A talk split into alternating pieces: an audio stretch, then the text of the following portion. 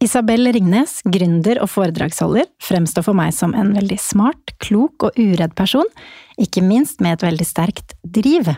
En driv til å gjøre en forskjell, til å få ting gjort, og til å være med å prege verden, rett og slett. Hun har en fascinerende trygghet, og står støtt i sin kamp for like rettigheter og muligheter for alle. Isabel står annet bak teknologinettverket Tenk, der hun inspirerer jenter og kvinner til å involvere seg i tech-bransjen, og i 2017 var hun med på å starte selskapet Equality Check, en slags tripadvisor for likestilling i arbeidslivet. Vi kommer jo heller ikke forbi at hun er datter til eiendomsmilliardær Christian Ringnes. Og jeg lurer på hvilke hendelser på Isabels vei som har påvirket henne mest. Og hva har egentlig skjedd i Isabels liv som har ført henne dit hun er i dag?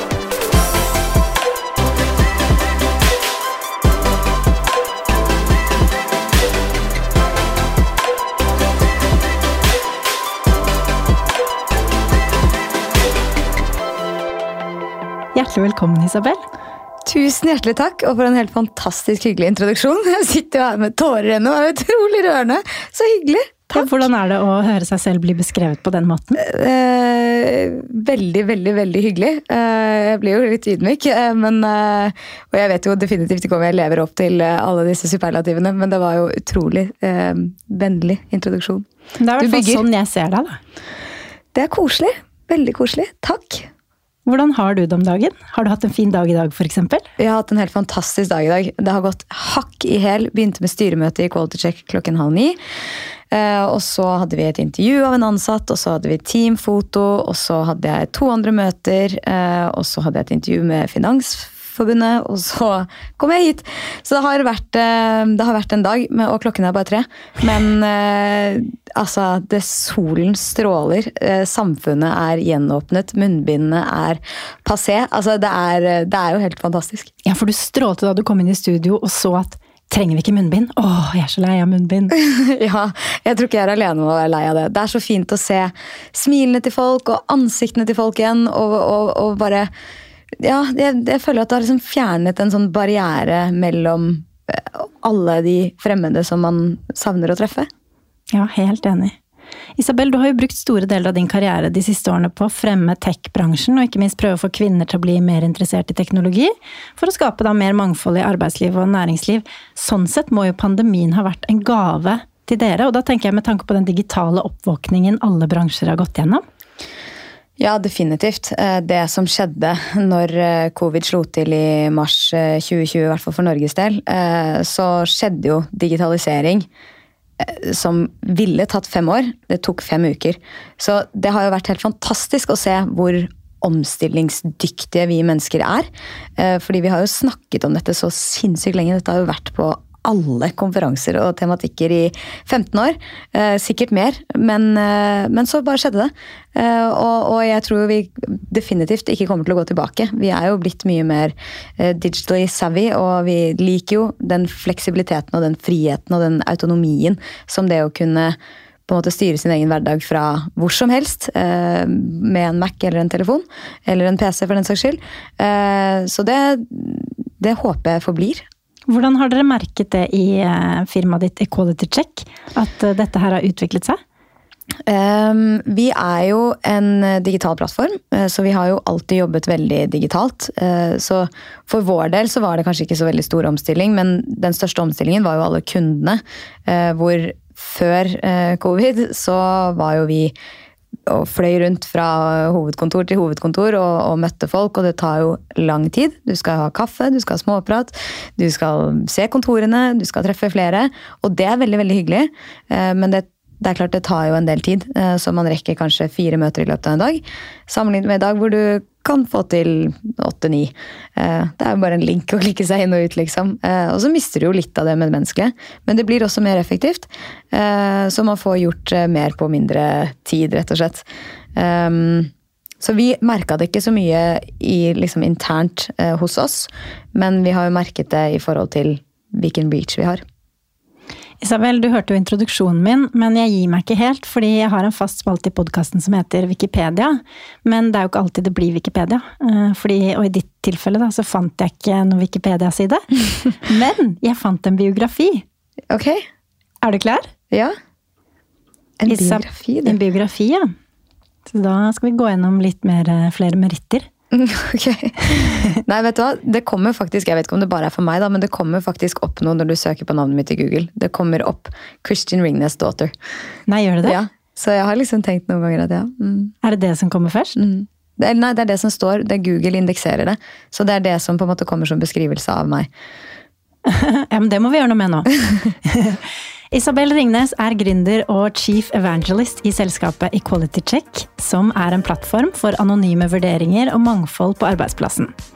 Hun står bak Tenk, et teknologinettverk for kvinner med mål om å inspirere kvinner og jenter til å forme fremtiden med teknologi. Isabel er også en av grunnleggerne bak hashtag hun spanderer, som adresserer ubevisst diskriminering og kjønnsstereotypier i arbeidslivet. Hun har vært trainee i Schibsted og vært deltaker ved det anerkjente Singularity University på NASA i Silicon Valley, der hun i dag er foreleser. Hun er to ganger blitt kåret til Inspiring 50 Women in Tech, og blitt utnevnt som én av seks nordmenn blant de 100 mest innflytelsesrike menneskene i Nordic Tech. Isabel er styremedlem i Dermanor. Produser, er det sånn man sier det? Ja. Ja. Produserer en av Nordens mest populære podkaster, Future Forecast, og har gitt ut boken Hvem spanderer? I 2019 var hun en av Norges mest populære foredragsholdere. Hun holder foredrag om mangfold, likestilling og gründerskap. ja, der har du dekket hele, hele sausen, holdt jeg på å si. Ja. Der har vi deg. Det høres veldig imponerende ut, eh, alt det du har fått til. Hva tenker du? Ja, altså har, det er jo, altså dette er jo på en måte bare sånn sten for sten. Man, eh, jeg er jo, tror jeg er flink til å si ja til ulike muligheter. eh, Og kanskje skape de også litt selv. Når jeg flyttet hjem fra New York i 2014 og startet Tenk, så var jo ikke det noe som jeg hadde tenkt på veldig lenge. Eh, Det bare var sånn at jeg så et behov, at vi måtte ha mer mangfold i teknologibransjen. Dette kommer til å forandre hele verden. Her trenger vi eh, flere, flere kluter til verks. Og slik ble Tenk startet. Det utviklet seg. Det åpnet for flere muligheter. Eh, Vi skulle ha det første teknologinettverkstreffet. Og da var det snakk om at vi måtte ha en foredragsholder. Fikk ikke tak i noen foredragsholdere, så da så jeg meg nødt til å ta det selv. Eh, Syns jo det var utrolig skummelt, men så forberedte jeg meg mye, og det gikk bra. Og det ledet til flere foredrag. Og så hadde jeg jo da Hun spanderer fra før av med Marie, som hun trakk meg inn i. Eh, og så ble jo det etter hvert til en bok. Og så er det sånn, Ting har på en måte bare skjedd steg for steg. Eh, det har aldri vært, Jeg har aldri liksom satt sånn å dette skal være målene, jeg skal gjøre sånn og sånn og sånn. Det har handlet om at jeg har brent for noe, jeg har sett problemer som jeg vil løse. Eh, og så har jeg sagt ja til muligheter, og forsøkt å skape muligheter, selvfølgelig. Kan ikke du forklare litt hva hashtag hun spanderer var for noe? Ja, definitivt. Så Hun spanderer startet av Marie Louise Sunde og jeg i 2015. Og vi startet det fordi vi brant for ubevisst diskriminering og kjønnsstereotypier. Uh, ubevisst diskriminering er den typen diskriminering som det er veldig vanskelig å sette fingeren på, men som det er lett å bagatellisere, rasjonalisere og latterliggjøre, og som vi tenker at er en av de underliggende årsakene til at vi fremdeles ikke er i mål med likestillingen selv i et likestilt land som Norge. Eh, og vi trodde på kommunikasjon som brukte fakta og forskning, og ikke synsing. eh, som var positiv og ikke pekte finger, og som var inkluderende og ikke splittende. For vi visste at hvis vi skulle ha med oss hele befolkningen på endring, så nytter det ikke å bare snakke til halvparten. Eh, så vi har da jobbet med dette gjennom digitale kampanjer, spesielt da rettet mot arbeidslivet over nå seks år, men i 2017, etter vår andre kampanje, så så vi at eh, fra å ha gått dør til dør hos ulike bedrifter og sagt at dette er noe dere må fokusere på, vi må eh, skape like muligheter for kvinner og menn og minoriteter i deres bedrifter, så eh, og, og på en måte egentlig ikke bli trodd, eh, til at vi nå i 2017 så at nå er det en genuin vilje, det er en mobilisering. Eh, de kommer til oss og spør hva skal vi gjøre. Problemet er, og var, at man vet ikke helt hva man skal gjøre. Det finnes ikke ordentlig god forskning eller validerte løsninger på hvordan man skal få mer mangfold i arbeidslivet. Så vi inngikk da et forskningssamarbeid med CORE, Center for Research on Gender Equality, som eh, er ved Institutt for samfunnsforskning. eh, Hvor vi da eh, reiste tre millioner i kapital fra ulike eh, bedrifter for å da finansiere et forskningsprosjekt som skulle gå over tre år, hvor de eh, skal presentere løsningene sine til høsten, og som vi selvfølgelig da kommer til å integrere i vår eh, plattform. Vi i 2018 eh, hadde jo vært i dialog med mange ulike forskere, mange ulike politikere, samarbeidet med flere bedrifter. Og en ting var veldig klart for oss, og det er at nøkkelen til endring ligger i data og i transparens. Og at hvis man skal um, få til ordentlig endring, så må flere involvere seg. Så vi bestemte oss for da å utnytte de fantastiske mulighetene som ligger i teknologi. Bygge en plattform, invitere alle til å bruke stemmene sine for å i fellesskap katalysere den endringen som vi vil se i forhold til mangfold og like muligheter på arbeidsplassen. Og sånn ble Quality Check født. For han, ja, fordi uh, Equality Check, som du jobber i dag, er altså på en måte en videreføring da, av denne kampanjen hun spanderer. Ja, Men du snakker jo da om eh, minoriteter også, ikke bare kvinner. Du mm. snakker altså om dette, viktigheten med mangfold i arbeidslivet, ikke sant? Og mm. det gjelder jo flere. Uh, kan ikke du forklare litt uh, altså, Ikke bare fordi kvinner henger jo ofte litt bak innenfor de tech-yrkene, ikke sant? Mm. Så det er dere opptatt av, men det gjelder også da minoriteter. Ja, definitivt. Uh, nei, altså Mangfold handler jo egentlig om at man skal se individer, og at man skal bygge uh, mennesker på bakgrunn av hvem de er og hva de får til, uh, og ikke på en måte begrense mulighetene til mennesker på bakgrunn av våre fordommer og stereotypier som vi har fra naturens side. Vi er skrudd sammen sånn.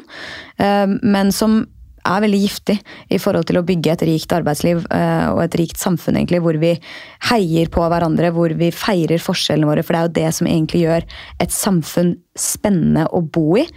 Uh, så for oss er det veldig naturlig at hele mangfoldsperspektivet er med i Quality Check. Vi har kjønn, vi har alder, etnisitet, kjønnsidentitet, seksualitet osv. For det handler om at mennesker er mennesker, uh, og at mennesker er best når de får lov til å være seg selv. Og ikke minst blir heiet frem til å være seg selv. Isabel, vi skal snakke mye mer om din karriere og hva du brenner for, men først så tenkte jeg at for å forstå deg litt bedre og bli litt bedre kjent med deg, så vil jeg høre om oppveksten din. Vi skal tilbake til RIS på Oslo vest på slutten av 80-tallet.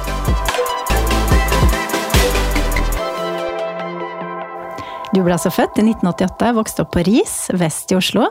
Hvordan vil du beskrive oppveksten din?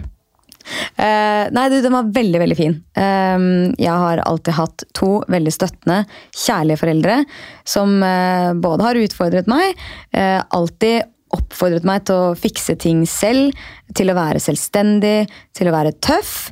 Og så har jeg hatt to fine søsken som jeg har kranglet masse med selvfølgelig gjennom oppveksten, men som i dag er veldig gode venner, og som jeg tilbringer masse tid med. Og i dag er jo familien de nærmeste. Det er jo de som jeg aller mest elsker å være sammen med. Eh, jeg håper jo at de føler det samme tilbake, selv om jeg er nok den som er mest pådriver for at vi skal henge sammen hele tiden.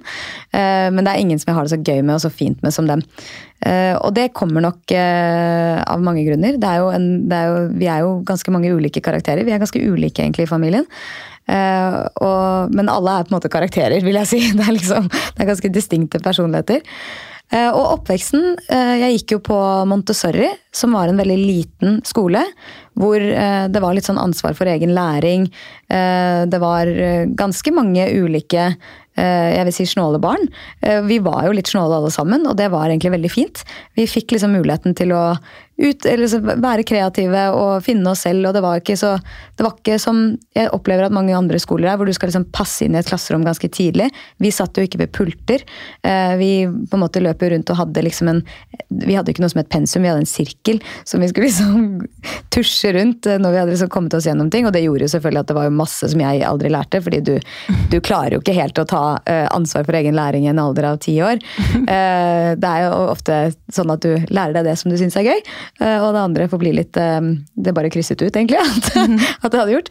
Um, så jeg Oppveksten, jeg husker det som mye, mye frihet, mye gøy. En, en, fin familie, fine venner. Altså jeg har, jeg har, ikke så mange negative minner fra oppveksten, egentlig. Jeg, jeg, ser tilbake på det som veldig fint, og jeg er sikker på at hvis man graver dypt, så finner man jo masse. Men uh, det er jo sånn at vi mennesker heldigvis er skrudd sammen til å huske det som er fint med ulike ting. Det er lov å huske fine ting òg, på en måte. Ja, det, det tror jeg det er, det er det aller beste. Jeg tror det er bra. Hva slags jente var du, da? da? jeg var eh, Mamma kalte meg for Lillefrøken Nei, men det ga seg jo, ga seg jo eh, til jeg ble Lillefrøken Ja. Eh, det var en litt sånn brå vending, jeg vet ikke helt hva den vendingen var, men jeg gikk fra å være negativ til å være positiv. Eh, ganske sånn eh, på liksom veldig i den ene enden av skalaen begge veier. Eh, var jeg ville alltid være voksen når jeg var ung. Jeg følte egentlig at jeg burde ha kontroll på mitt eget liv, ta mine egne valg. Jeg sto alltid klar uh, utafor porten og hadde pakket bagasjen. Uh, og skulle flytte ut. hele tiden. Så vi hadde, jo, vi hadde, jo, noe hjelp hjemme hos oss, og de ble jo helt fortvilet, fordi jeg var jo borte hele tiden. Jeg jo, hadde flyttet videre. og syntes jo det var litt provoserende at folk skulle bestemme over meg. Så 18-årsdagen min var jo den største gaven i hele verden, for da visste jeg jo at jeg endelig faktisk er myndig til å bestemme. Det sagt så, så var jeg nok var nok ganske uh, tøff når jeg var uh, ung. Jeg var nok re relativt uredd.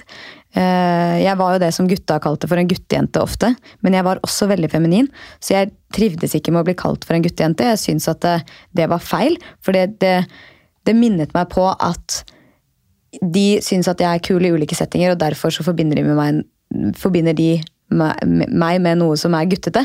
Mens jeg føler jo at det, det, det er jo helt feil. Jo, hvorfor, hvorfor, skal det være synonymt? Eh, og skjønte relativt raskt at det å være feminin, eller det å være noe synonymt med jente, er negativt. Så når jeg kalte gutta tilbake for jentegutter, så ble jo ikke det spesielt godt mottatt. Eh, og det var jo på en måte en del av alle de refleksjonene som jeg gjorde meg eh, som ung. Jeg var nok ganske eh, observant på hvordan jenter og gutter blir tiltalt og omtalt ulikt, utfordret til ulike ting. Og hvordan man i en ganske ung alder egentlig begynner å liksom gå i litt sånn ulike retninger, uten at det kanskje er et bevisst valg, men som egentlig da er formet av samfunnet rundt oss. Du har to brødre. Hvordan var det hjemme hos dere? En bror og en søster. Ja. En bror og en søster, ja. Hvordan mm. var det hjemme hos dere da i forhold til broren din og deg, f.eks.? Fikk dere like muligheter, eller ble dere forskjellsbehandlet, eller? Nei, altså, jeg tror jo de aller fleste nok eh, Og det er ikke Altså, Jeg vil ikke si at jeg ble veldig forskjellsbehandlet. Eh, de, altså, Mamma og pappa var jo like glad i alle tre barna. Eh, men så tror jeg jo at og det skjer nok i veldig mange familier, og også på skolen og i samfunnet generelt, at som nevnt, da, altså gutter eh, blir oppfordret til ulike ting. utfordret til ulike ting. De kommer litt sånn, de blir fortalt at de er barske og tøffe og modige, mens vi jenter eh, får høre at vi er søte og pene og flinke, og vi blir på en måte belønnet for å være det, mens gutta blir Eh, eller kommer kanskje unna med mer rampestreker og mer ting som naturlig gjør at de blir tøffere, fordi de får prøve seg på masse rart eh, som de ser at går fint. Så med mindre du har på en måte foreldre som er veldig veldig bevisste på disse tingene fra en ung alder, så tror jeg nok de Jeg skal jo ikke generalisere, men jeg ser jo fra forskning på en måte hvordan, eh, hvordan foreldre har en tendens til å eh, behandle jenter og gutter ulikt. Uten at det selvfølgelig er vondt ment. Det er kulturelt betinget. Det er inngrodd eh, som en del av eh, hvordan vi på en måte er både oppvokst, så forhåpentligvis så blir dette bedre med generasjoner, eh, men også hva alle signalene i samfunnet sier til oss hele tiden. Så det er jo et, eh, et kjent forsøk fra BBC som ligger på YouTube, som man gjerne må se. Hvor Ulike mennesker blir sendt inn i et rom. Det ligger et lite spedbarn der. Eh, og i den ene delen av eh, forsøkene så er dette spedbarnet kledd opp som en jente. Og så blir de bare fortalt at de skal leke med denne unge jenten. Eh, og da er det masse leker plassert rundt i rommet. Og så ser man at de tar frem liksom en Barbie og en liten teddybjørn og en liten kjole og sånt noe, og leke med det, det, lille barnet. Og så spør de etterpå ja, men hvorfor valgte du de lekene. Og så sier de nei, nei, men det var fordi hun ville ha det. det var hun, hun, hun var, altså Jenter er jo sånn, de vil jo leke med barbier og, og bamser og alt sånt. Og så gjorde de det samme, samme barnet, eh, bare kledde hendene da, opp i gutteklær. Og så kom de inn, nye mennesker, da, og tok frem biler og legoer og uh, ulike teknologiske verktøy, holdt jeg på å si, og, og, lekte med dette barnet. Og så spurte de igjen da hvorfor valgte dere disse lekene. Nei, men han ville ha det. Det var han som ville ha det. Uh, og det er jo litt sånn hvordan vi på en måte lurer oss selv fra en ganske ung alder til å tenke at gutter og jenter er så fundamentalt annerledes fra de er spedbarn. Altså, de vet jo ikke hva disse lekene er engang. Uh, men allerede da begynner på en måte den primingen i forhold til hvilke interesser som utvikles, uh, og hvilke signaler uh, som sendes. Og man er jo ekstremt formbar som barn, så man skal jo ikke undervurdere de effektene av tilsynelatende veldig uskyldige handlinger. Så du tenker at det foregår en sånn slags ubevisst diskriminering, hvis man kan kalle det det, for folk eh, prøver jo ikke å diskriminere med viten og vilje, men ubevisste holdninger, da? Ja, det er ubevisste holdninger, og det er jo basert på stereotypier. Eh, og det er jo ikke noe sånn at det er Det er jo ikke grunnleggende skadelig, men det gjør jo at eh, Det gjør nok at både jenter og gutter ikke nødvendigvis utvikler sitt fulle potensial eller føler at de kan være helt seg selv, fordi de blir fortalt fra samfunnet rundt at Og kanskje spesielt gjelder det jo gutter, for igjen, da, hvis jenter gjør gutteting, på en måte. Nå liker jeg ikke å generalisere, men eh, for enkelhetens skyld. Hvis jenter gjør gutteting, så blir jo de gjerne rost og kalt for tøffe. Eh, og guttejente. Oh, så positivt. Eh, mens hvis gutter er sensitive, interessert i klær, kanskje mer kreative, ønsker å synge eller spille i korps, så blir de eh, på ingen måte hyllet på samme måte. De blir ertet, eh, mm. og de føler kanskje at de må trekke seg unna eh, den typen aktiviteter som gjør at de blir stigmatisert. Som er veldig veldig synd, for sånn burde det jo ikke være. Man burde jo som barn kunne på en måte bli den personen man har potensialet til å bli, og som man sannsynligvis blir mest lykkelig av å bli. Jeg har hørt at du eh, har blitt karakterisert som eh, en slags ledertype, og at du alltid har vært det. Det var en fugl som kvitret med det i øret. okay. Hva tenker du om den karakteristikken? Eh, jeg håper jo det er, eh, eller den som har beskrevet det, eh, at det er på bakgrunn av at Det var moren din? Ja, ok, der kan man se. Så det var, ikke, det var kanskje ikke helt med grunnlag i, i, i, mine ansatte. Men nei, jeg tror jeg tror det handler om at jeg liker å ta ansvar, eh, og at jeg ikke er redd for å være tydelig.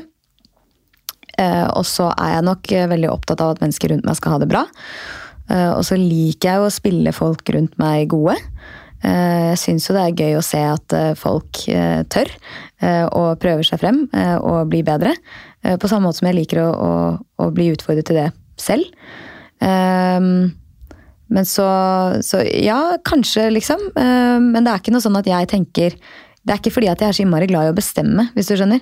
Jeg mener jo egentlig at det er veldig mange der ute som, som vi jobber med, og som, som, jobber for oss, at det er bedre at de bestemmer, fordi de kan disse områdene så mye bedre. Eh, og som er flinkere enn oss. Og det er jo der vi har kommet i Quality nå, at vi kan jo faktisk ansette flink, flinke folk mye flinkere enn det vi er. Så det er jo helt konge. Eh, men men eh, jeg tror det å, å uh, spille folk gode, uh, eller i hvert fall å forsøke å gjøre det, det er noe som er viktig for meg. Eller jeg vil i hvert fall prøve å gjøre det så mye jeg kan. Sånn som jeg ser deg, så handler jo det litt om den tryggheten du har i bånd. Jeg opplever deg i hvert fall som veldig trygg. At du tør å framsnakke andre. ikke sant? At du tør å ta ansvar. Er det noe du har hatt med deg hjemmefra, tror du? Uh, ja, men jeg tror ikke du blir sånn født med at du bare er trygg og at du tør å ta ansvar og sånn. Uh, jeg tror det handler om at du eh, gjennom et livsløp, og det kan jo egentlig være når som helst, det er aldri for sent, eh, men at du blir utfordret til å fikse ting på egen hånd. Og gjøre ting som er ubehagelig, og gjøre det klassiske som alle sier hele tiden, gå utenfor komfortsonen din. Fordi hver gang du gjør det, så blir jo alt det som du oppfatter som skummelt, litt mindre skummelt. Eh, så du hever på en måte lista for deg selv hele tiden i forhold til hva du tør. Eh, så du begynner jo ikke med å holde et foredrag for 1500, du begynner med å holde et bitte lite nettverkstreff for 10, og så er det det skumleste du noensinne har gjort. Og så plutselig, mange år senere, så, så er det på en måte ingenting. Eh, fordi du bygger en trygghet. Og så, med alderen, kommer jo også trygghet, heldigvis. Og særlig hvis du omringer deg med folk som er fine, som liker deg for hvem du er. Eh, som ikke kritiserer deg eh, bare for å kritisere deg på ting. Som aksepterer hvem du er. Eh, og igjen, da, at du er sammen med ulike mennesker. Eh, at du ikke bare er sammen med folk som er akkurat som deg, men at du inspireres av andre typer folk, som tenker på andre typer måter, som har andre typer bakgrunner, eh, og som kan inspirere deg til å tenke utover hva du naturlig hadde tenkt selv.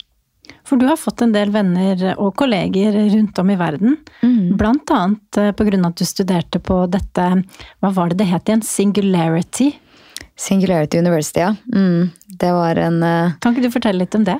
Ja, det, en, det, det, endret hele livet mitt, vil jeg si. Eh, det er en av de fineste minnene jeg har. Eh, men det var, også, var jo veldig tøft. Nei, det, jeg jobba jo i Skipsted eh, på, på, den tiden.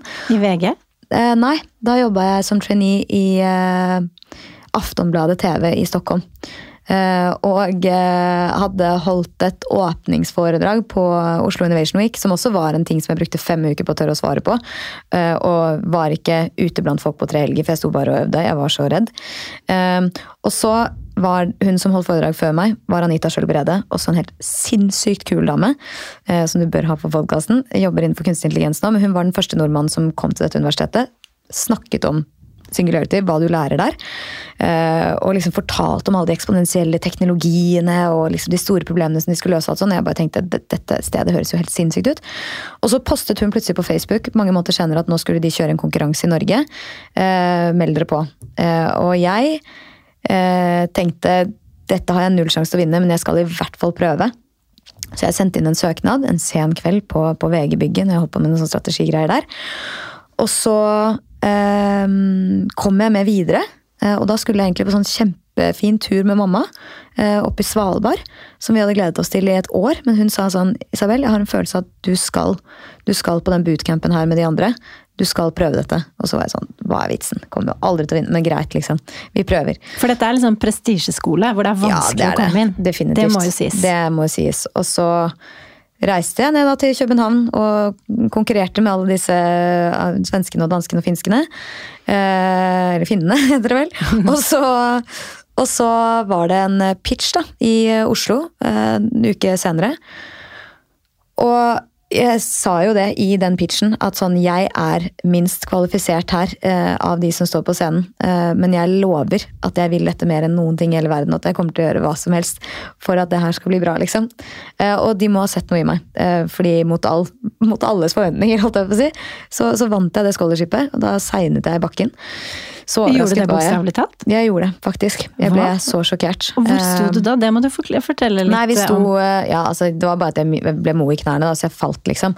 Eh, jeg var også ganske sliten, for jeg hadde reist frem og tilbake til så det var mye greier. men eh, og jeg, hadde, altså sånn, jeg var så sliten, for jeg visste jo at dette skulle jeg ikke vinne, men jeg hadde ikke lyst til å se helt idiotisk ut på scenen, på en måte, så jeg måtte jo, jeg måtte jo jobbe for at denne pitchen ikke skulle være helt forferdelig.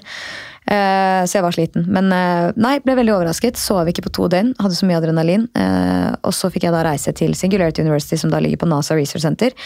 Når du da har jobbet med annonser i Skipsted, og så kommer du dit og liksom treffer og ser liksom disse fantastiske spacecraftsene og hangarene, og du kommer inn på denne skolen, og du vet at det er liksom deg og 80 andre fra hele verden som har kommet inn på sine meritter fra et eller annet sted.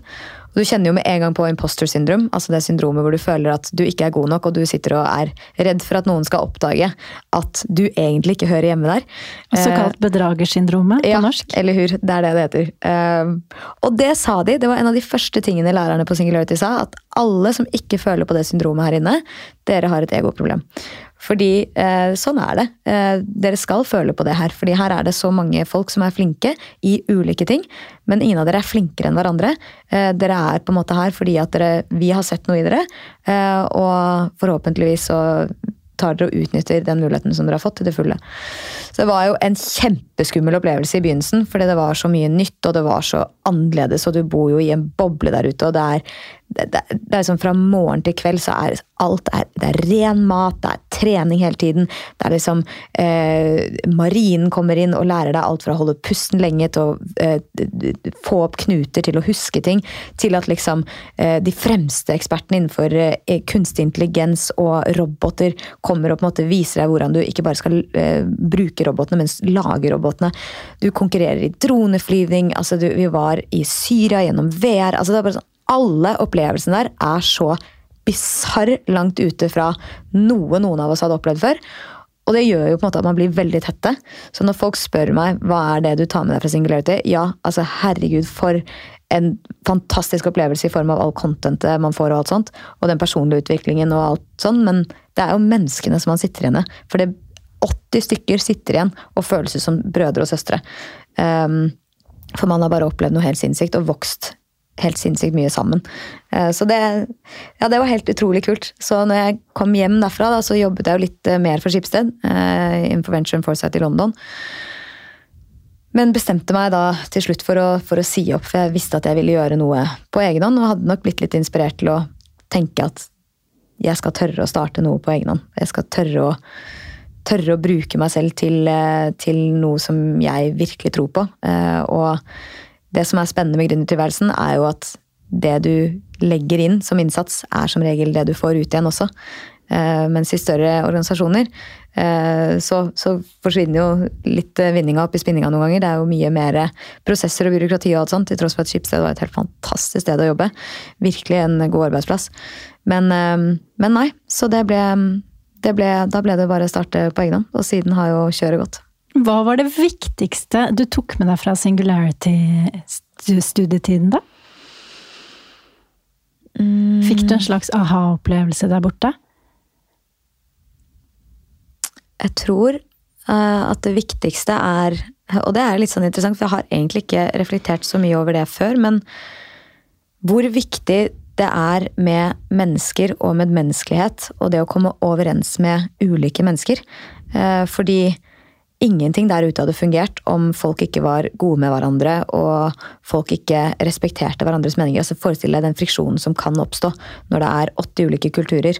Eh, den ene kommer fra Syria, den andre kommer fra Egypt, eh, den tredje kommer fra Miami, eh, og så kommer det en fra Helsinki. Altså, alle er så ulike, har så ulike perspektiver og bakgrunner. Og sant, kulturelle referanser. At det er så mye som er ulikt. Men det å på en måte kunne se forbi forskjellene og uh, igjen da, feire, feire, hverandres ulikheter og se hva man har til felles. Bygge det. Uh, bli venner på tvers av alt. Uh, det er liksom og De sier jo det også, disse fantastiske ekspertene i ulike rapporter, at noe av det viktigste vi kan lære barna våre, er jo det med samarbeid. Og, og kommunikasjon og kritisk tenking og kreativitet. Og det er nok mye av det som jeg sitter igjen med derfra også. At det, man kan jo lære seg veldig mye av dette i alle mulige aldersgrupper. Eh, det er aldri for sent å lære seg noe nytt. Men eh, man, man må nesten learn by doing, eh, akkurat de kvalitetene som jeg nevnte nå. Så hvis jeg tar med meg noe derfra, så er det viktigheten av samarbeid og det å komme seg, eller komme overens med mennesker på et genuint nivå. Og være et ordentlig medmenneske, da. Ble inspirert av de, egentlig. Hva tenker du om dette med å heller ikke være opptatt av at det finnes kun én sannhet? Få ulike perspektiver, kanskje? Ja, ikke sant? 100 eh, Og det, det er jo definitivt sant der. Fordi eh, la oss si man skal løse et problem i Norge, så vil jo den, det samme problemet eller tilsvarende problemet i et annet land ha en helt annen løsning. Fordi menneskene er annerledes. Man har uh, ulike preferanser. Og vi er jo veldig skrudd sammen til å tenke at den måten vi gjør ting på, er den beste måten å gjøre ting på. Det er jo bare å se hvordan Norge snakker om seg selv i veldig mange ulike sammenhenger. Vi liker å tenke at vi har hacket alt, uh, og at dette er uten tvil det beste landet å bo i hele verden. Og det er et fantastisk land å bo i, men det er også veldig mange utrolig bra ting med veldig mange andre land, og hvordan de har løst ting, som er helt ulikt hvordan vi gjør det her. Eh, så, og, og, det å se det, og på en måte eh, ikke bare akseptere det, men liksom la seg inspirere, eh, inspirere av det, er viktig. Hvis vi skal komme fremover som et globalt samfunn som vi i stadig større grad er. Du hadde også en ganske sånn spesiell opplevelse som ble litt et slags vendepunkt for deg tidligere også, før du gikk på Singularity. Og det var faktisk 22. juli, eh, av alle ting. Da ja. jobbet du som sommervikar i VG, og var mm. på jobb mm. i VG-bygget mm. i Oslo sentrum da dette skjedde. Mm. Kan ikke du beskrive hvordan det opplevdes for jo. deg? Jo, absolutt. Eh, nei, det var jo en, eh, det var en eh, tøff eh, sommer for meg, men for altså hele Norge. Det var jo Hvordan det, det opplevdes, opplevdes, det for deg å være på jobb da dette skjedde? Mm, jeg satt, eh, Klokka var jo da nærmere halv fire, eh, og jeg satt og skulle Jeg skrev jo om altså Jeg var jo rampelysjournalist, så jeg skrev jo om sikkert en eller annen antrekk på Skal vi danse eller noe sånt. Eh, og skulle til å lagre denne artikkelen. Og husker at det jeg skulle lagre, at jeg merka et voldsomt sånn trykk liksom, mot, mot dataen. Eh, og det var sikkert et lufttrykk, og så kom jo dette enorme smellet. Eh, og alle rutene knuste overalt. Og vi tenker jo ikke i Norge at nå er det gått en bombe. Vi tenker jo at her har det vært et stort torden, liksom. Eh, men det var for stort. Eh, og så husker jeg at vi alle løp mot vinduet for å se ut. Hva var det som hadde skjedd? Eh, og så hører jeg desksjefen rope alle sammen, ta med dere kameraer, ta med dere PC-er, og kom dere ut. Så alle journalistene, eller alle på bygget, da, gjør jo som, som han sier. Og så etterlater vi jo alt annet. Så vi løper jo derfra det, Når jeg var tilbake igjen på mandag, så så det jo helt likt ut som ja, Det så ikke ut som noen egentlig hadde forlatt. Så vi løp ned trappen, og der var det jo røyk og alarm. og møtte jo alle de hundrevis av medarbeiderne der. Vi så på hverandre alle litt usikre på hva som egentlig hadde skjedd. Det var en sånn dørgende stillhet i den gangen. Det var liksom ingen som sa noe. Alle bare så på hverandre og visste ikke om det skulle komme en bombe til, eh, om denne bomben faktisk hadde gått i dette bygget, om det var snakk om sekunder. Eh, så det var stille. Vi så hverandre i øynene, men det var liksom veldig stille, og vi løp nedover. Og så kom jeg til hovedinngangen i VG-bygget der, eh, og da tok jeg tak i min kollegas hånd, og så dro jeg henne ut gjennom det som jeg skjønte senere var feil eh, å løpe gjennom der, for der var jo alt glasset falt ned, og det hang jo masse glass som drev og raste ned. Men vi kom oss ut, og vi var nok helt desperate for å komme oss ut. Eh, og der, var det jo, der lå det jo mange som blødde og var skadede. Eh, og det var jo helt det var, det var helt stille. Det var kanskje det rareste av alt. At det var jo Ingen visste egentlig hva som hadde skjedd. Politiet var ikke ankommet ennå. Man begynte vel så vidt å høre sirener langt av gårde. Men det var helt dørgende stille. Ingen sa noen ting. Alle som så, så rundt seg på de enorme ødeleggelsene. Og forsøkte selvfølgelig å ta vare på de som, som var skadet. Og så hørte vi det kommer en bombe til, det kommer en bombe til. Eh, og da var det bare å løpe. Så da løp jeg og noen kollegaer eh, helt frem til Bislett. Eh, og der ble jeg hentet av eh, samboeren min. Eh, så det var, eh, det var I forhold til veldig mange andre den dagen. Veldig lite å oppleve, men eh, det gjorde allikevel et eh, enormt inntrykk på meg. Kanskje spesielt i dagene senere, hvor jeg som journalist ble veldig imponert over mine kollegaer. I den grad vi Altså, alle der hadde jo opplevd noe som var veldig traumatiserende. Alle kjente jo noen. Mange kjente jo folk på Utøya. Og her var det en hel masse folk som satte sine egne følelser, sine egne privatliv til side, og sto på hver eneste dag. Eh, overalt, for kontoret var jo ubrukelig, eh, i hvert fall store deler av det. Eh, for å levere informasjon til et folk som var ekstremt eh, sultne på å vite hva er det som har skjedd. I krisesituasjoner så kan ikke informasjonsbehovet bli dekket eh, eller mettet. Eh, og de sto på dag ut og dag inn eh, for å, for å levere svar, egentlig, i den grad det var mulig, til alle som som selvfølgelig og helt naturlig var totalt knust av det forferdelige tragiske, av den forferdelig tragiske hendelsen. det gjorde også noe med deg og måten du så på det du hadde lyst til å bruke livet ditt på, gjorde du ikke det? Jo, jeg ble Jeg syns Jeg hadde jo alltid vært interessert i, i media, eh, og kanskje spesielt fra journalistisk perspektiv. Men ehm, så jobba jeg jo med rampelys og med min mote og sånn, og jeg har jo egentlig ikke vært eh, veldig interessert i verken mote eller kjendiser noen gang. Så jeg følte vel litt sånn gjennom den sommeren at det, den interessen døde lite grann. Men når dette skjedde, så forsto jeg sånn det er jo, Dette er jo grunnen til at vi eksisterer, eller de eksisterer, de fantastiske journalistene der ute. Um, og det er klart, de gjør jo også feil, og de ble jo sikkert kritisert for mange ting gjennom, gjennom dekningen av det, men uh, overordnet, da. Enorm respekt for de. Uh, og det som alle i mediehusene gjør for å, for å med integritet levere uh, informasjon til samfunnet. Som i dagens verden er viktigere enn noensinne. Det å ha kredible og faktabaserte informasjonskilder som det våre mediehus er. Det er ikke en selvfølge i alle land. Det inspirerte deg litt til å begynne med ting som mm. betyr litt mer enn ja. det du følte at den eh, kjendisjournalistikken du drev med, gjorde? Mm. Men så, så, ble det jo ikke sånn, da. Jeg ble jo ikke journalist. Så jeg, jeg begynte å Jeg tok en master i media management i New York eh, ved The New School. Eh, og ja, så vel på det fra et mer sånn medieledelseperspektiv. Eh, og når jeg da begynte å studere det i New York, så, så fikk jeg jo smaken for teknologi. Eh, og fordi i denne klassen så handlet jo alt om hvordan er det teknologi omvelter alle bransjer. Kanskje da spesielt selvfølgelig spisset mot mediebransjen. Men jeg så jo parallellene eh, på alle mulige industrier, fordi New York var jo på det tidspunktet en av de liksom mest tidlige adapters i forhold til ny teknologi, i forhold til nye apper, i forhold til nye måter å gjøre ting på. Eh, og jeg føler liksom at jeg var heldig nok til å få være med litt på den reisen. Til å sitte liksom i en sal eh, på New York Startup sin og liksom se gründeren av Uber snakke om denne nye lille appen sin. Eller liksom folk som liksom akkurat har begynt med Facebook. Altså det, var sånn, det, det, var, det, er en sånn bisarr tid å se tilbake på, hvor alt dette var helt nytt, og folk var superskeptiske. Og så ser du i dag hvor alt dette er gigantiske milliardselskaper, ikke sant. Uh, sånn sett var du litt, uh, litt, forut for din tid, holdt jeg på å si. Du, du plukka jo opp noe som har eksplodert i etterkant. Uh, det var vel kanskje litt av tanken din også?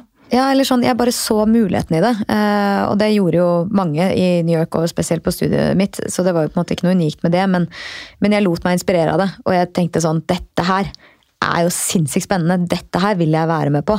Eh, jeg vil jo også være med å forme fremtiden med teknologi.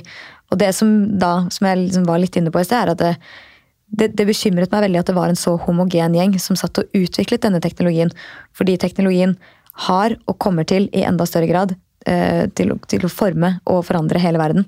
De, altså En ting er på en måte de løsningene vi ser i dag, men teknologi kommer til å bli en, en mer og mer usynlig tråd i samfunnet. Som eh, syr oss sammen, som tar valg, eh, som bestemmer hvem er det som får jobb, hvem er det som får lån, hvem er det som blir ansatt, hvem er, den, eh, hvem er det som blir satt i fengsel, hvem er det som den selvkjørende bilen ofrer. Det er så veldig mange ulike elementer som går inn i Eh, det teknologi skal løse, eh, og det teknologi har svaret på.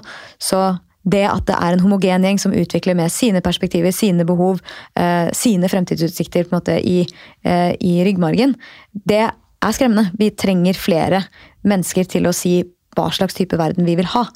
Har du sett noen konkrete eksempler på f.eks. en app eller en eller annen forskning hvor det rett og slett er kanskje menn da, som har sittet og forsket på noe, og så speiler det ikke eh, virkeligheten i det hele tatt. Mm. Det er masse, eh, masse eksempler på det. Eh, kan du ta et par? Ja, absolutt. Eh, et eksempel som jeg syns er relativt nærliggende, eller nærliggende og nærliggende, men jeg, jeg kjører nå en, en selvkjørende bil. Og leste et studie for ca. et år tilbake om at eh, de største selskapene som utvikler bildegjenkjennelsesteknologi, deriblant IBM og Facebook og Microsoft osv.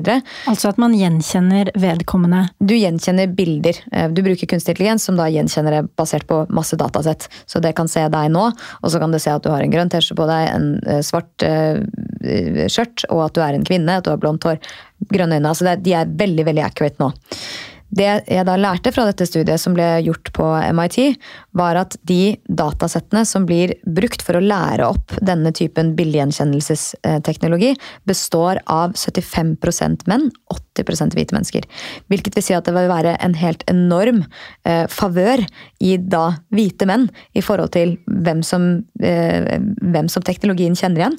Eh, den, disse appene fra disse ulike teknologiselskapene klarer å kjenne igjen en hvit mann med 99% sannsynlighet mens med en mørk kvinne så er det bare 65% sannsynlighet. Eh, og så kan man jo forestille seg hvordan det blir når eh, disse selvkjørende bilene får holde på akkurat som de vil. Eh, og der er det jo på en måte en hel masse andre også etiske dilemmaer med inn i bildet. Men når en sånn bil ser eh, La oss ta en hypotetisk situasjon hvor det er et kryss. På høyresiden står det en hvit mann, på venstresiden står det en mørk kvinne. Av en eller annen grunn så må denne bilen ofre en av de. Hva er sannsynligheten for at den da velger den hvite mannen, som den er 99 sikker på at det er en mann, versus kvinnen, som den er 35% usikker på at det er en kvinne? Og Google sin app klarte til og med å gjenkjenne en mørk person som en gorilla. Eh, så, og, og, det er jo altså det, er, det er altså så sinnssykt degradere. Altså det, er, det, er, det, går bare ikke an, og de klarte ikke å endre det engang. Så de måtte bare fjerne merkelappen. De måtte bare mm. fjerne merkelappen gorilla. Eh, fordi de ikke klarte å fikse på det. Eh, og det er et tidlig tegn på hvor dårlig vi gjør det som arkitekter av det som kommer til å bli eh, systemer som tar helt kritiske valg på vegne av en befolkning. Eh, som overhodet ikke er representert i hvordan de valgene tas i dag. Og som egentlig ingen kan holdes ansvarlig for, for de er bygget på datasett, og så er det maskinlæring som lærer på bakgrunn av det. og det er, eh, det er veldig veldig mange selskaper som ikke helt skjønner hvordan de egentlig gjør. Det er det de kaller for en black box. De spytter ut et svar uten at man egentlig vet hvordan de har kommet frem til det. Det sier litt om viktigheten av det arbeidet dere gjør i Quality Check. Da. Ja, vi, vi jobber jo ikke spesifikt inn mot teknologibransjen, altså vi jobber jo på tvers av alle bransjer. Men, jo, men sånn generelt sett. Ja. Bevisstgjøringen rundt det. Ja. Mm. Isabel, du er opptatt av feminisme, av like rettigheter for menn og kvinner, for alle. Og mange tenker jo at Det vet jeg at mange gjør, jeg vet at mange også syns at det er viktig, men mange tenker jo at det gjelder ikke helt oss her i Norge, fordi kvinnediskrimineringen rundt om i verden er jo ofte mye verre, og det er den jo. Mye mer alvorlige ting som skjer. Men jeg tenker at det likevel er viktig å kjempe de små kampene her hjemme, da. På riktig måte, vel å merke. Hva tenker du om likestillingen i Norge? For det første så er vi ikke i mål her i Norge. Kvinner jobber fremdeles tre ganger så mye deltid. De tjener mindre enn det menn gjør. De er på ingen måte representert i lederstillinger, spesielt i næringslivet, på samme måte som det menn er. Vi gjorde en opptelling i forbindelse med boken vår Hvem spanderer, og så at det er jo like mange som heter Arne som det det er kvinner blant de 100 best betalte topplederne i Norge. Og de har fremdeles, kvinner har fremdeles hovedansvaret for barn og hjem, og de er mye mer representert i lavtlønnede yrker. Så det at vi er likestilt i Norge, det stemmer ikke.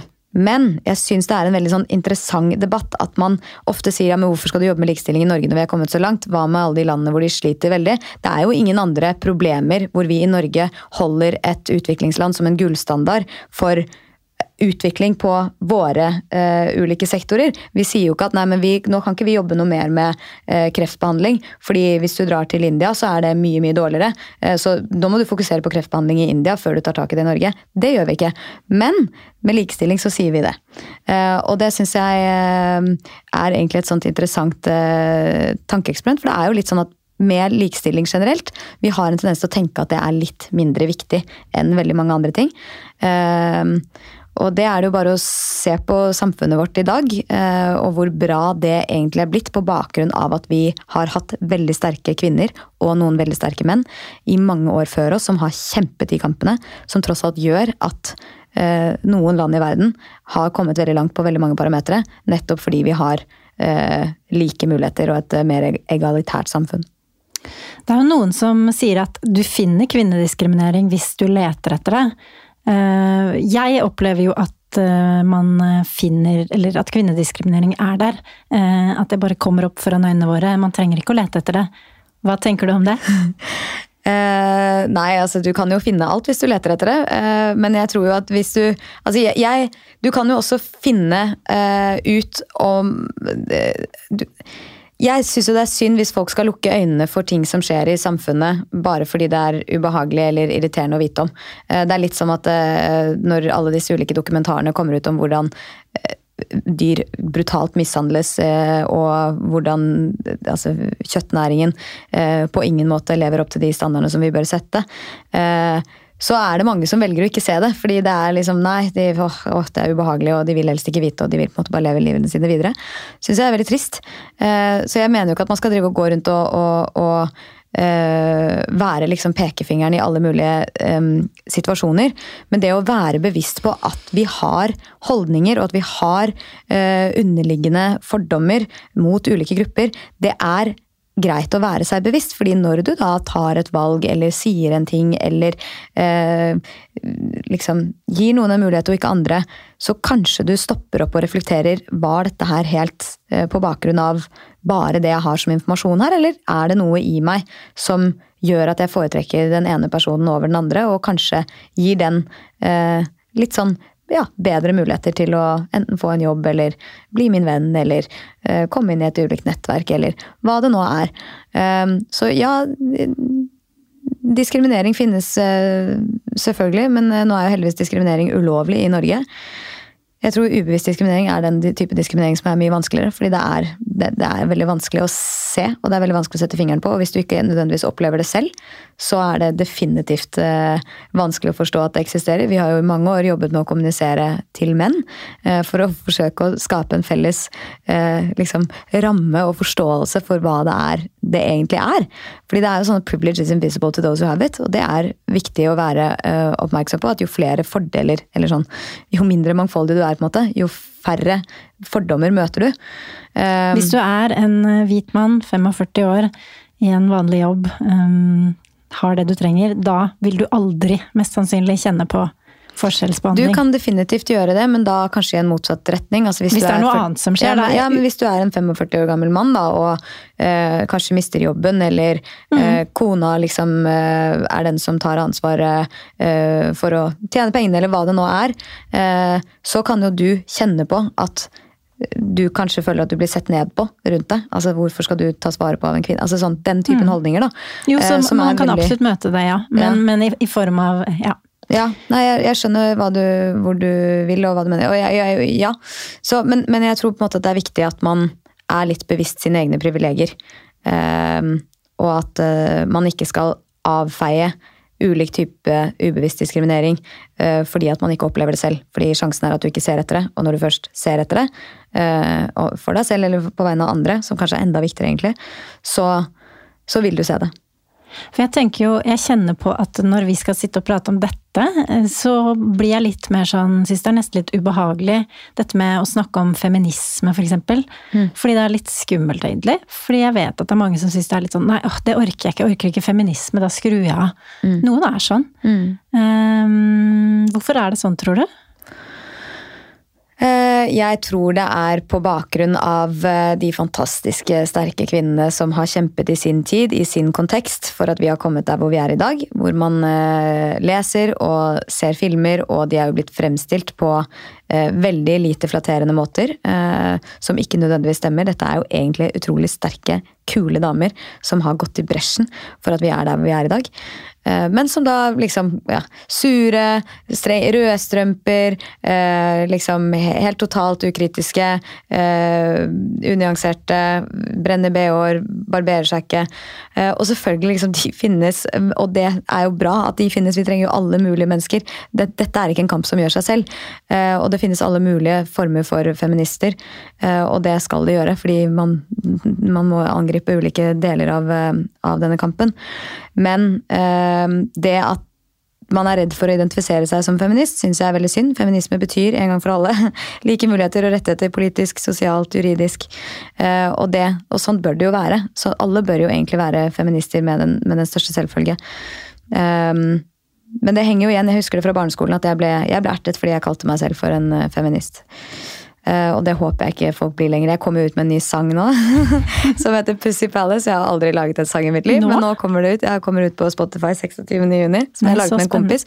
Og det er på bakgrunn av at jeg syns Jeg elsker jo partysanger. Og jeg har vært så irritert over at alle partysanger er skrevet av og for gutter, og de handler bare om at man skal knulle en dame bakfra i en buss eller noe sånt. Og jeg har tenkt at jeg vil lage en tilsvarende kul sang for damer som fyrer opp til fest, som ikke degraderer menn, for jeg mener ikke at vi trenger å synke så lavt. Eh, men en av setningene der er eh, 'jeg er feminist som faen, jeg gjør som jeg vil for evig', og hvis du ikke er uenig, så kan du bare stikke. Eller altså, jeg husker ikke akkurat teksten. Men, eh, men håpet er jo på en måte at det blir kult å kalle seg feminist for både menn og kvinner. Ikke bare med den sangen, men, men, men det, det, treffer vel kanskje en yngre målgruppe, og man må jo treffe de der hvor de er. Skulle spilt den her, men det, det, har vi jo ikke. Jeg har jo ikke den låta her nå. Men, men hva heter den? Pussy Palace. Pussy Palace. Da må man gå inn på Spotify og høre den, da. Ja, når den kommer. Jeg har hørt at du står opp fem hver morgen. Nei. Nei, nei, nei. Det er lenge siden. Er det det? Ja, det er lenge siden, ass. Jeg gjorde det før. Eh, så fikk jeg kjæreste. Og så slutta jeg med det. Og så har jeg ikke kjæreste lenger, men jeg fortsetter å sove lenge. Så jeg, vet ikke hva det var. Jeg. Men det var mange år hvor jeg sto opp sykt tidlig. Når står du opp nå, da? Eh, så seint jeg kan. Som regel kvart over åtte. Altså, når, når, det bare var hjemmekontor, så sto jeg opp sånn type fem på ni, og så var det møte ni. Og det var jo helt magisk. Men eh, nei, jeg, jeg har et sinnssykt godt sovehjerte. Legger meg tidlig og står opp seint. Jeg følger deg på Instagram, og du deler veldig mye forskjellig. Du er jo en businesswoman, men du deler også fra familieselskap og fra fest og liksom alle mulige aspekter av din, eh, ditt liv og din personlighet. Da. ja. Eh, har du en tanke bak det, eller? Jeg har vel det nå, men jeg hadde ikke det når jeg begynte med det. Eh, jeg har jo aldri vært redd for å være åpen, vise hvem jeg er, og jeg tror på en måte også det er litt viktig i den, i den i den, i den, grad man vil være en rollemodell, så tror jeg det også er litt viktig å vise at det, det finnes veldig mange dimensjoner til mennesker. Eh, og jeg sier ikke at det er riktig for alle. Man skal, man skal føle på hva som føles komfortabelt for en selv. Veldig få føler seg nok så komfortable med å være så åpen som det jeg er. Eh, og med god grunn, for det finnes fordeler og ulemper ved det. Eh, men for meg så har det føltes fint å kunne dele hvem jeg er, fullt og helt. Selvfølgelig er det jo ting jeg ikke deler, men det er jo mer ting enn hvem jeg er, og deler av min personlighet. Um, og opplever jo egentlig at det mottas greit. Jeg har jo ikke liksom sykt mange følgere. Jeg er jo ikke liksom over 100 000 eller i nærheten av det. på en måte. Så jeg er sikker på at det finnes masse mennesker som venter på å hate meg der ute. Men foreløpig da, så har jeg superfine følgere som er veldig ålreite og hyggelige. Jeg får litt kritikk her og der, og det skal man jo få. Eh, men, men eh, jeg er i hvert fall ikke redd da, for å bare være meg selv. Eh, og vise at det finnes veldig mange sider av meg. At man kan være både det ene ja, og det andre. Eksakt. Vise unge jenter at du, du trenger ikke å være hun som drar hjem klokken ni hver kveld og bare sitter og leser dokumenter for å for å få en karriere, hvis du er interessert i det. Du kan også, og det er veldig sunt, å ha et liv som er rikere enn bare det.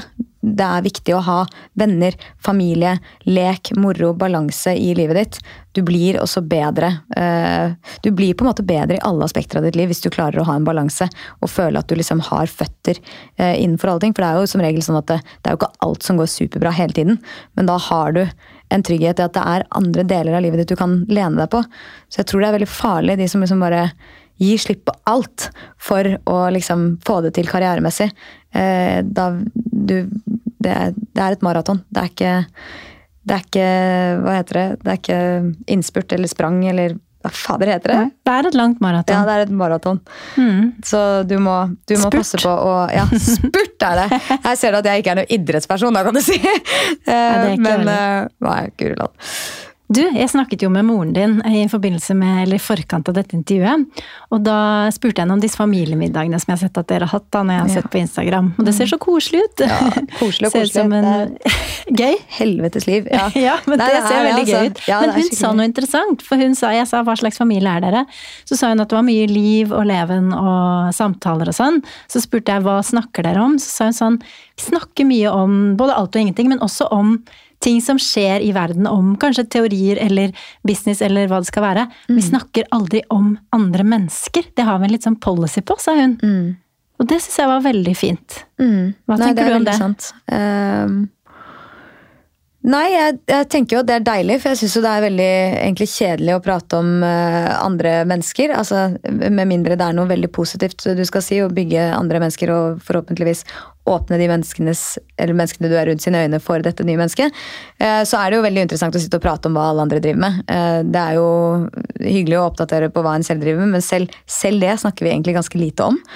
Eh, vi legger planer for fremtiden, vi har det mye moro, vi snakker mye om det som skjer rundt omkring i samfunnet, eller ulike teorier og ideer og alt sånt.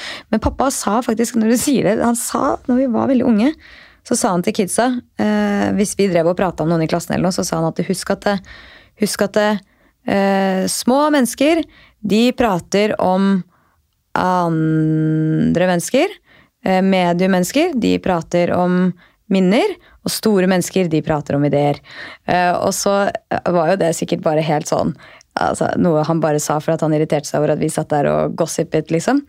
Men det er jo jeg tror, altså, på ingen måte Man skal jo kunne snakke om akkurat det man vil, og det finnes jo masse fine folk som prater om uansett, liksom. Men ja, oppdragelsen så har det vært eh, veldig fokus på å ikke prate om andre mennesker og hva andre mennesker driver med. Eh, og i hvert fall ikke i negativ forstand, for det, det Nei, det er ikke noe hyggelig. Isabel, det har vært så interessant og spennende og hyggelig å prate med deg i denne podkasten.